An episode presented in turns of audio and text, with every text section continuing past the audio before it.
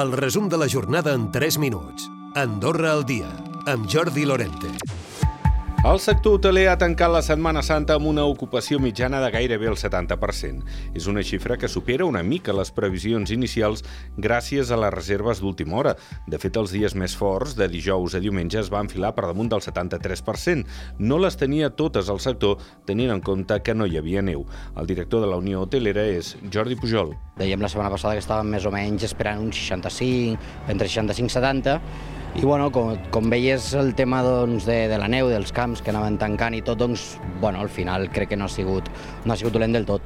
Sí que és veritat que, que bueno, amb les dades que ha caigut aquest any a l'estat de la neu i si ho comparéssim l'any passat, doncs està una mica per sota, no? Però, però bueno, vist les previsions que teníem, jo crec que encara ha estat, ha estat força bé.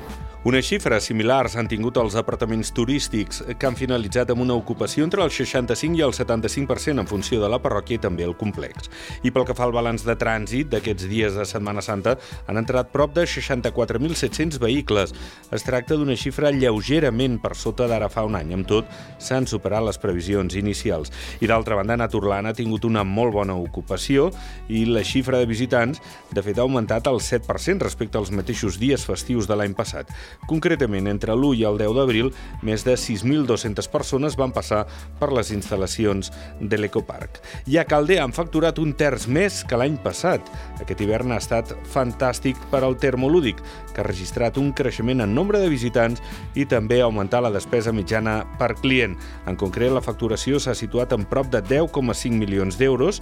De l'1 de desembre al 10 d'abril, l'espa termal ha estat visitat per 210.000 persones, 50.500 més que en la campanya d'hivern anterior. Els assessors fiscals veuen amb bons ulls la reforma fiscal que es va aprovar al gener. Una nova llei de tributs que pretén augmentar la recaptació per la imposició directa, simplificant el sistema i modificant el règim de deduccions sense perdre competitivitat. Ho explica el president de l'Associació d'Assessors Fiscals i Tributaris, és el Joan Oliver. En algunes tècniques que veníem, feia temps que veníem reclamant, inclús alguna que es retrotrau al 2015, com podria ser la famosa plusvalor del mort, coneguda com a plusvalor del mort, que no tenia sentit que no estigués ben regulada. No són potser de tan calat, però que sí que, que són importants, sobretot perquè ens dediquem al món de l'assessorament la, fiscal.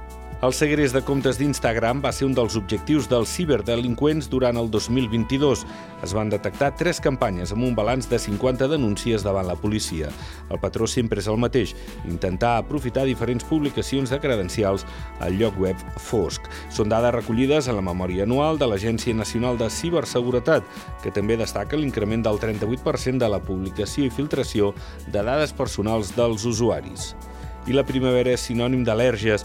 Les prediccions de la temporada es poden calcular segons el temps que ha fet els mesos de tardor i hivern. Tot plegat fa que la pluja, per exemple, no ser-hi, influeixi en la intensitat de l'al·lèrgia. Recupera el resum de la jornada cada dia a AndorraDifusió.d i a les plataformes de podcast.